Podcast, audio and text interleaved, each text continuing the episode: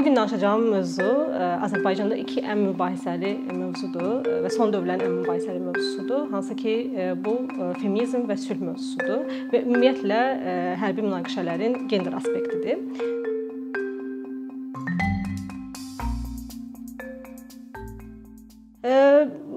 Bunların hamısını, yəni bu analizin aparılması üçün biz araşdırmalar aparmışdıq və mən həmin araşdırmaların e, bir hissəsi idim. Yəni araşdırmalar e, biz həm Azərbaycanda apardıq, həm Ermənistanda apardıq və araşdırmaların nəticəsində gördük ki, Azərbaycan e, cəmiyyətində və Ermənistan cəmiyyətində münaqişə, Dağlıq Qarabağ münaqişəsi müxtəlif genderdə olan insanların həyatına necə təsir eləyir və nəticələr haqqında mən biraz sonra danışacağam. İndi istəyərdim ümumiyyətlə anlayaq ki, gender deyəndə biz nəyi, nəyi nəzərdə tuturuq və nəyi başa düşürük? Gender ümumiyyətlə bir sosial konstruksiya və mədəni konstruksiya kimi danışacağıq genderdən, hansı ki, bu konstruksiya bizim gündəlik həyatımızı, davranışlarımızı, rollarımızı müəyyən eləyib.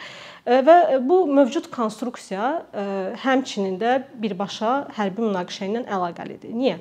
Çünki müharibə özü bir genderləşmiş fəaliyyətdir.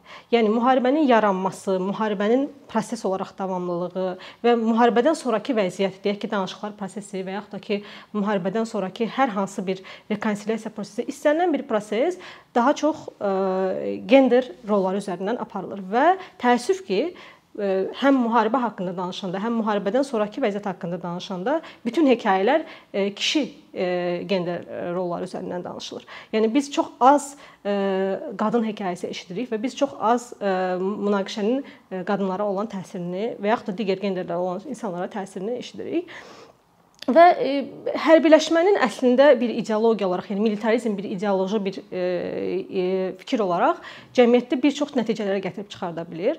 E, mən hərbiləşmə ilə e, militarizm ideyasını, yəni ideologiya ilə e, prosesi ayırmaq istəyirəm bir-birindən. E, birincisi militarizm dünyada hal-hazırda ən böyük biznesdir. Yəni hərbiləşmə sayəsində olan e, e, qazanan mənfəət ən böyük bizneslərdən biridir və dövlətlər alış-verişlə e, e, pullar qazanırlar e, və xüsusi e, təşkilatlar bundan e, mənfəət əldə edə bilirlər. Və hərbiləşmə nəticəsində biz görürük ki, məsələn, Azərbaycan və Ermənistan cəmiyyəti iki dənə ən yüksək hərbiləşmiş e, dövlətlərdir və bu cəmiyyətlər üm, yəni ümumdaxili məhsuluna görə, adam başına düşən məhsula görə baxırsan ki, hərbi hərbi xərclər həddən artıq çoxdur, həm Azərbaycanda, həm də Ermənistanda. Hərbiləşmənin bu qədər yüksək olduğu cəmiyyətdə sülhdən danışmaq mümkündür ümumiyyətlə. Və niyə hərbiləşmə baş verir? Necə əsaslandırılır hərbiləşmə?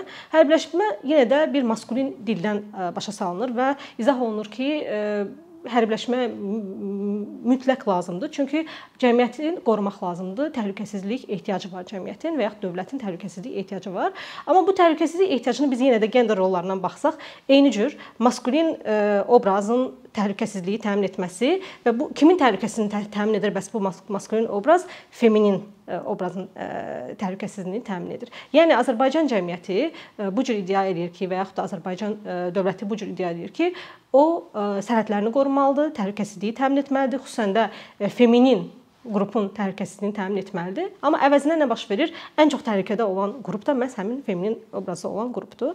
Və militarizmin ideologiyası bəs necə yeridir? Ümumiyyətlə bu ideologiya təkcə hərbidən, yəni silahlardan ibarət deyil. Bu ideologiyanı biz hər yerdə görürük gündəlik həyatımızda. Biz bunu küçədə görürük. Bu ideologiyanın təbliğini mediada görürük. Biz bu ideologiyanın təbliğini məktəbdə görürük. Davamlı şəkildə məktəbdə militaristik narrativlərdən istifadə olunur və ümumiyyətlə bu bu norma kimi yeridilir. Militarizm insanlara uşaqlıqdan böyüyənə qədər bir norma kimi yeridilir.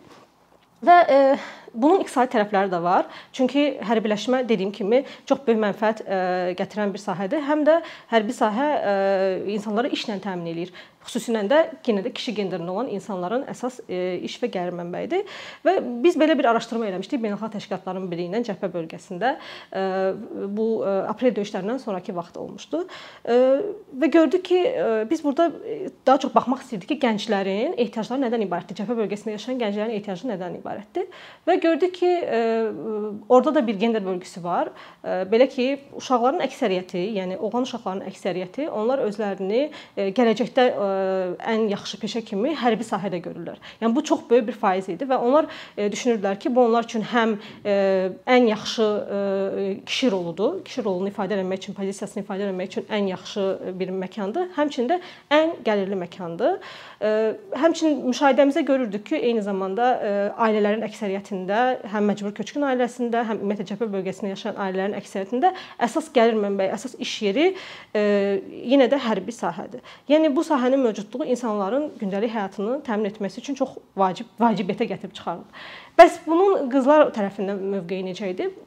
Cavabların əksəriyyəti bu idi ki, qadınlar özlərini və gənc qızlar özlərini qayğıçı kimi görürlər. Yəni həmin militarist siyasətə, həmin militarizmə dəstək dəstəklərini ancaq sosial reproduksiya ilə və yaxud da ümumiyyətlə hansısa məişət işini görməklə verə biləcəklərini düşünürlər. Və bu əksər ənənəvi müharibələrdə bu bu cür olub. Yəni ön cəbhədə olan əksərən kişilər olub və arxa cəbhədə qadınlar sosial reproduksiya ilə və yaxud da ümumiyyətlə məişət işləri ilə və yaxud da produktiv işləri ilə həmin hərbi prosesə dəstək olublar.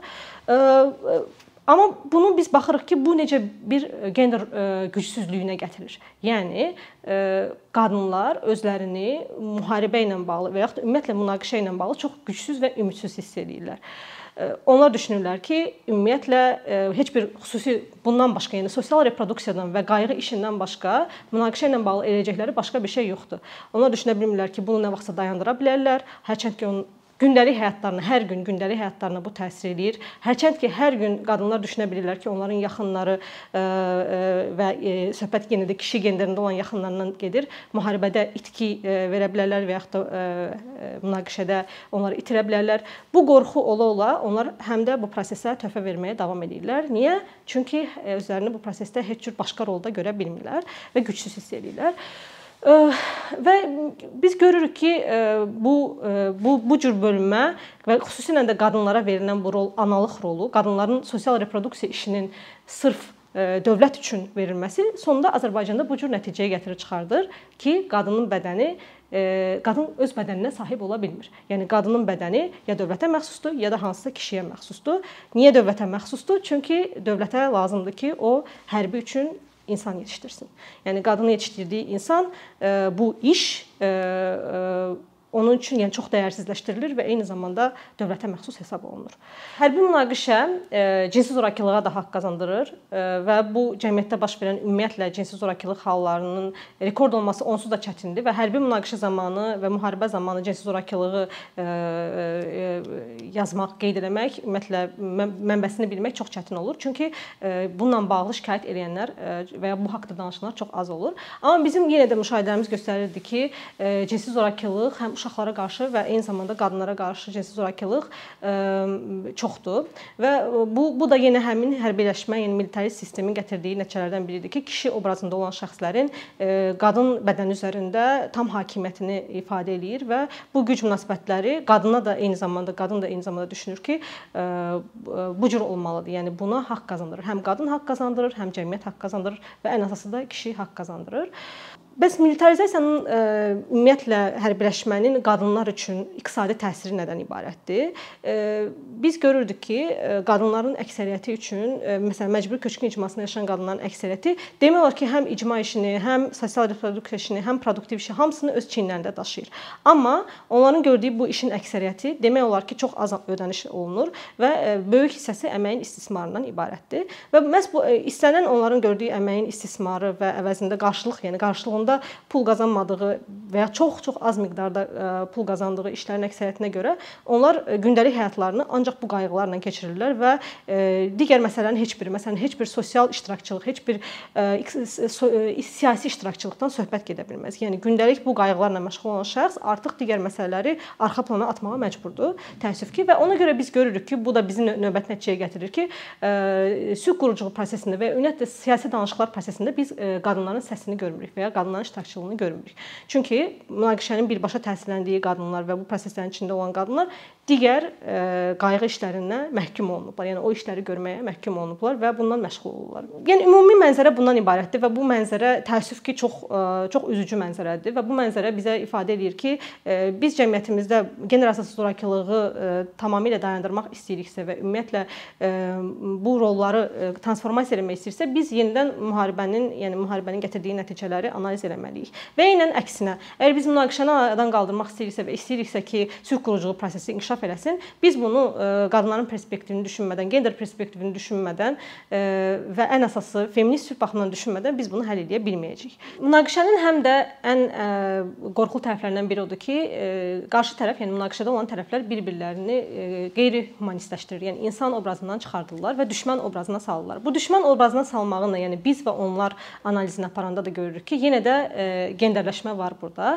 Yəni qarşı tərəfin hansı ki düşmən tərəf hesab olunan tərəfdir, o onların kişi genderində olan şəxslər təcavüzkar hesab olunur və qadın genderində olan şəxslər isə əxlaqsız hesab olunur və bu anlayış yenə də göstərir ki, e, qeyri-insaniləşdirmə, münaqişə zamanı, müharibə zamanı qeyri-insaniləşdirmənin də yenə gender e, aspekti var və gender analizi aparılmalıdır.